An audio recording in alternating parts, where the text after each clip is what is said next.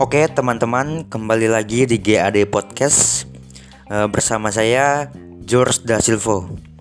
Sebelumnya terima kasih kepada teman-teman yang sudah mau mendengarkan GAD Podcast kali ini. Pada kali ini uh, sudah sampai ke podcast ketiga. Sebelumnya pada pod udah podcast kedua dan podcast pertama. Mungkin jika teman-teman yang belum mendengarkan bisa didengarkan di GAD podcast sebelumnya gitu. Oke. Pada kesempatan kali ini atau pada podcast ketiga kali ini saya berjudul buku pertama. Sebelumnya saya tegaskan bahwa kalian kali ini uh, buku pertama yang saya baca bukan buku pertama yang saya tulis. Tentunya tentang invest di pasar modal gitu. Pada awal saya membeli buku ini dan mempunyai keinginan untuk membaca, eh, saya selalu membawa buku ini ke sekolah untuk dibaca. Hal ini saya lakukan setiap hari sampai saya selesai membaca buku ini gitu. Tentunya buku ini menurut saya sangat bermanfaat sekali sehingga saya melakukan hal itu. Anak muda miliarder saham. Itulah buku pertama yang saya baca. Buku ini ditulis oleh Ko Andika Sutoro Putra yang sampai sekarang menjadi inspirator saya. E, singkat cerita tentang Ko Andika Sutoro Putra, Ko Andika Sutoro Putra ini adalah seorang entrepreneur, e, seorang outdoor, dan seorang investor di pasar modal. E, beliau tinggal dulunya tinggal di Singkawang, di salah satu kota kecil di Kalimantan Barat. Ko Andika ini menjadi uh, miliarder di pasar saham sebelum usianya genap 20 tahun. Kira-kira pada waktu itu uh, beliau menceritakan bahwa beliau kenal pasar saham ini pada waktu umur 16 tahunan kayaknya itu.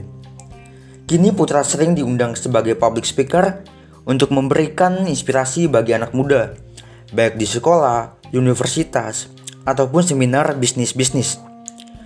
Putra dibesarkan dari keluarga yang mungkin dibilang sangat sederhana. Ayahnya seorang pekerja di sebuah bengkel di kota kecil di Singkawang dan ibunya mengurus rumah tangga gitu.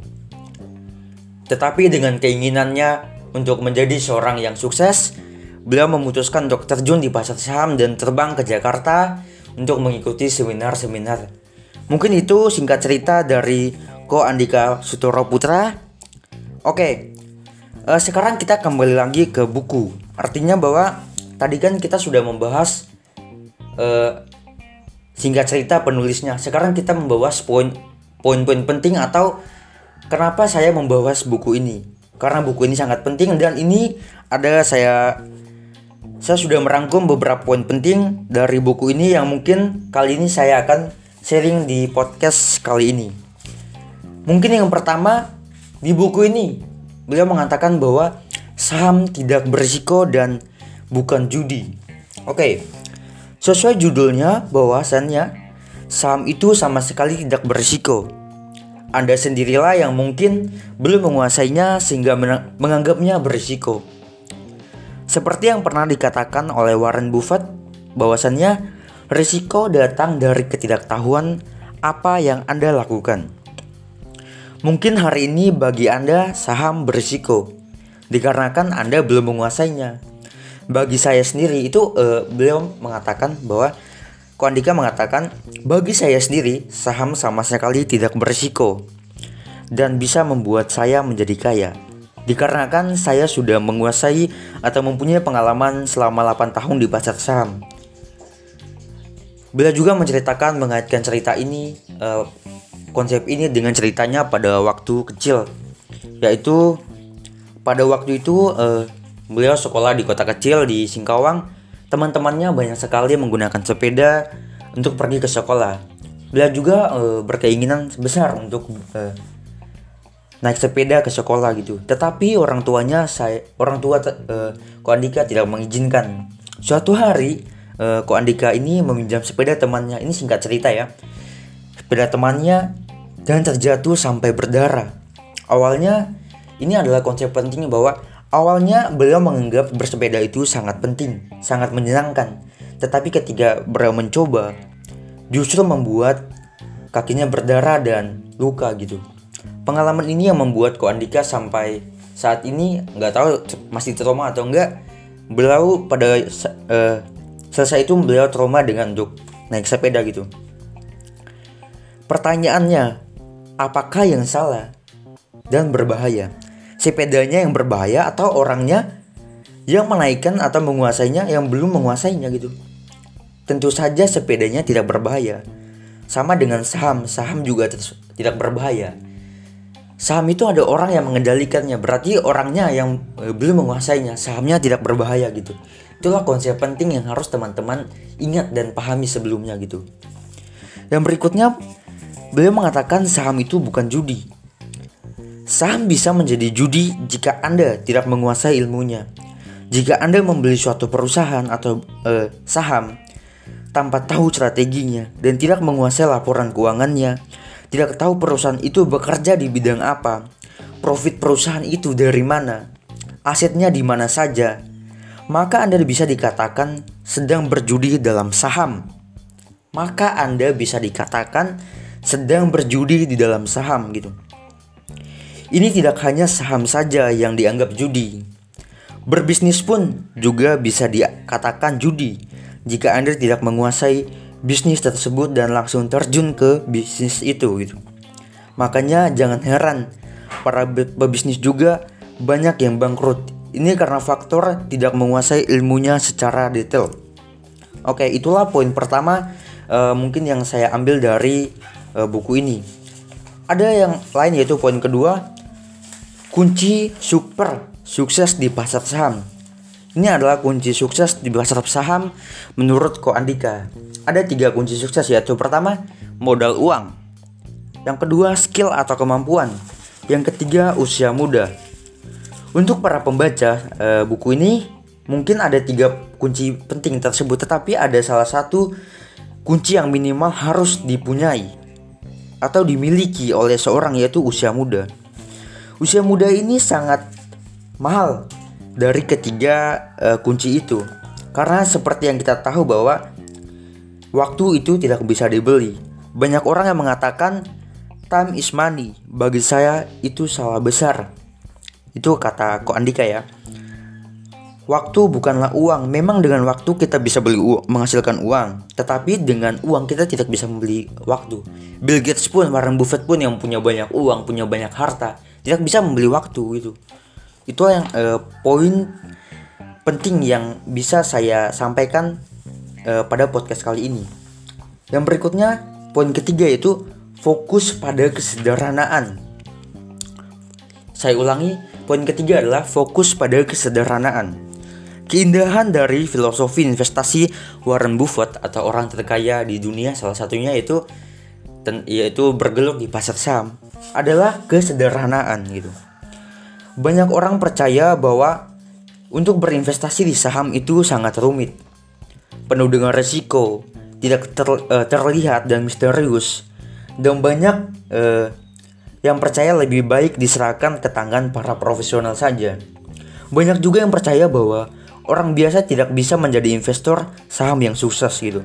Buktinya tadi uh, dari orang biasa kok Andika sampai sekarang menjadi investor yang sukses di pasar saham gitu karena dibutuhkan latar belakang pendidikan yang tinggi, penguasaan rumus matematik yang rumit, dan akses pada komputer market timing yang canggih, serta selalu sibuk memonitor pasar, volume grafik tren, ekonomi, berita, dan lain sebagainya. Itu salah besar gitu.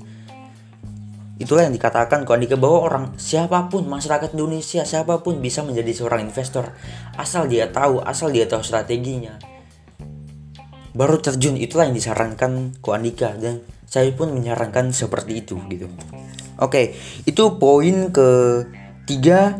Dan berikutnya poin keempat. Ini uh, salah satu poin yang menurut saya sangat penting juga yaitu uh, money management Uh, pada buku ini beliau uh, membagikan cara memanajemen uang ala orang terkaya se-Asia. Teman-teman pasti uh, belum tahu, pasti dengar, pasti sering dengar ini adalah orang terkaya se-Asia yaitu uh, Pak Lee Ka-sing.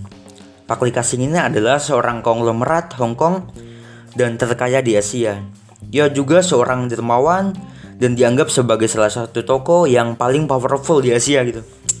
Lee Ka-sing juga di, uh, disebut sebagai Asia Most Powerful Man oleh Asia Week pada tahun 2001 dan masuk dalam daftar orang terkaya versi versi majalah Forbes Amerika tahun 2007. Menduduki posisi ke-9 dengan kekayaan diperkirakan mencapai uh, eh, 32 miliar US dollar gitu. Wow, amazing. Itu uh, beliau mengata uh, membagikan tips atau manajemen uang ini ala orang terkaya se-Asia yaitu Pak Lee Ka-sing. Ada beberapa cara memanajemen uang. Yang pertama, uh, ada beberapa bagian. Mungkin ada lima bagian. Yang bagian pertama, living expense. Ini apa? Ini adalah bagian ini kita dapat gunakan sebagai kebutuhan sehari-hari secara, secara sederhana. Berapa persen dari gaji kita yang sisihkan untuk uh, living expense ini yang yaitu beliau membagikan itu 30% dari gaji kita gitu. Mungkin kira-kira kita mempunyai gaji 50 juta eh 5 juta. Berarti kita harus membiayai 1,5 juta rupiah untuk setiap bulannya berarti kurang lebih 50 ribu rupiah per hari gitu. Itulah kita pembagiannya 30% untuk living expense jika kamu mempunyai gaji 5 juta gitu. Ada bagian kedua yaitu making friends. Ini mungkin sangat penting juga mungkin teman-teman mengabaikannya making first ini tetapi ini adalah kunci money management yang mungkin sangat penting. Bagian ini gunakan untuk membangun karena untuk membangun atau memperluas network networking Anda gitu. Memperluas jaringan pertemanan merupakan salah satu jalan untuk membuka akses menuju sukses di masa depan gitu berapa persen yang Anda sisihkan untuk making friends untuk gaji Anda yaitu beliau menyarankan 20% dari gaji Anda gitu untuk menakdir teman. Mungkin teman-teman terakhir ini Anda harus saring betul-betul filter betul-betul bahwa yang Anda terakhir ini adalah teman-teman yang berguna untuk aja, memberi efek, memberi dampak untuk Anda gitu. Bagian ketiga adalah education. Ini adalah tentu bagian ini yang tidak kalah pentingnya, bahkan sangat penting gitu. Anda harus menyisihkan uang untuk belajar hal-hal baru di bidang Anda agar pengetahuan dan wawasan semakin luas. Mungkin education ini diperkirakan atau disisihkan sebesar 15% dari gaji Anda. Education ini contohnya seperti Anda memperluas pengetahuan Anda untuk yaitu dengan cara membeli buku, buku-buku untuk dibaca, seperti mengikuti seminar dan lain sebagainya gitu. Ko Andika saja sekarang uh, sudah membaca 200-an buku dan sudah mengeluarkan uh, ratusan juta untuk education ini. Tentu itu nilai yang sangat kecil baginya karena dengan begitu beliau mendapatkan ilmu yang sangat besar gitu. Saya pun sekarang mulai uh, uh, melakukan manajemen ini dengan uh, sebisa saya gitu. Dengan metode yang dibagikan oleh orang terkaya Asia yaitu Likasing Pak. Likasing. Oke. Itu adalah bagian pertama bagian kedua dan bagian ketiga. Ada bagian keempat yaitu overseas holiday. Yes. Berlibur juga sangat penting loh teman. Bahwasannya berlibur bisa memberikan anda bertumbuh besar dan pengalaman hidup memberikan anda refreshing gitu atas anda apa yang anda lakukan mungkin anda bisa e, mengsisihkan 10% dari gaji Anda gitu. Itu adalah bagian 4. Dan bagian terakhir yaitu bagian kelima yaitu investment. Ini adalah tujuan dari money management yaitu investasi di pasar modal gitu. Yaitu sebesar 25% dari gaji Anda. Mungkin Anda mempunyai gaji 5 juta. 25% anda sisihkan sebesar 1,25 juta dialokasikan bisa digunakan untuk modal awal investasi setiap bulannya gitu dari gaji Anda. Itulah poin keempat dari uh, buku ini yaitu money management. Oke, teman-teman. Ada lagi satu saran yang mungkin dikatakan oleh Ko Andika bahwasannya itu perkecillah pengeluaran Anda dan perbesarlah pemasukan Anda jikalau Anda ingin kaya gitu. Ingat lagi bahwa waktu yang tepat untuk memulai adalah sekarang. Itulah yang dikatakan ke Andika gitu. Kalau bukan sekarang kapan lagi? Dia beliau mengatakan ada uh, saya pernah mendengar bahwa mengatakan jikalau saya uh, disuruh milih mau gagal sekarang atau gagal kemudian? Mau sukses sekarang atau sukses kemudian? Beliau mengatakan gagal sekarang aja suksesnya kemudian gitu. Tentu gagal harus di usia muda. Oke gitu. Ada lagi poin terakhir yaitu poin kelima dari buku ini yang mungkin saya dapat sharing di podcast kali ini yaitu krisis itu berkah berkat.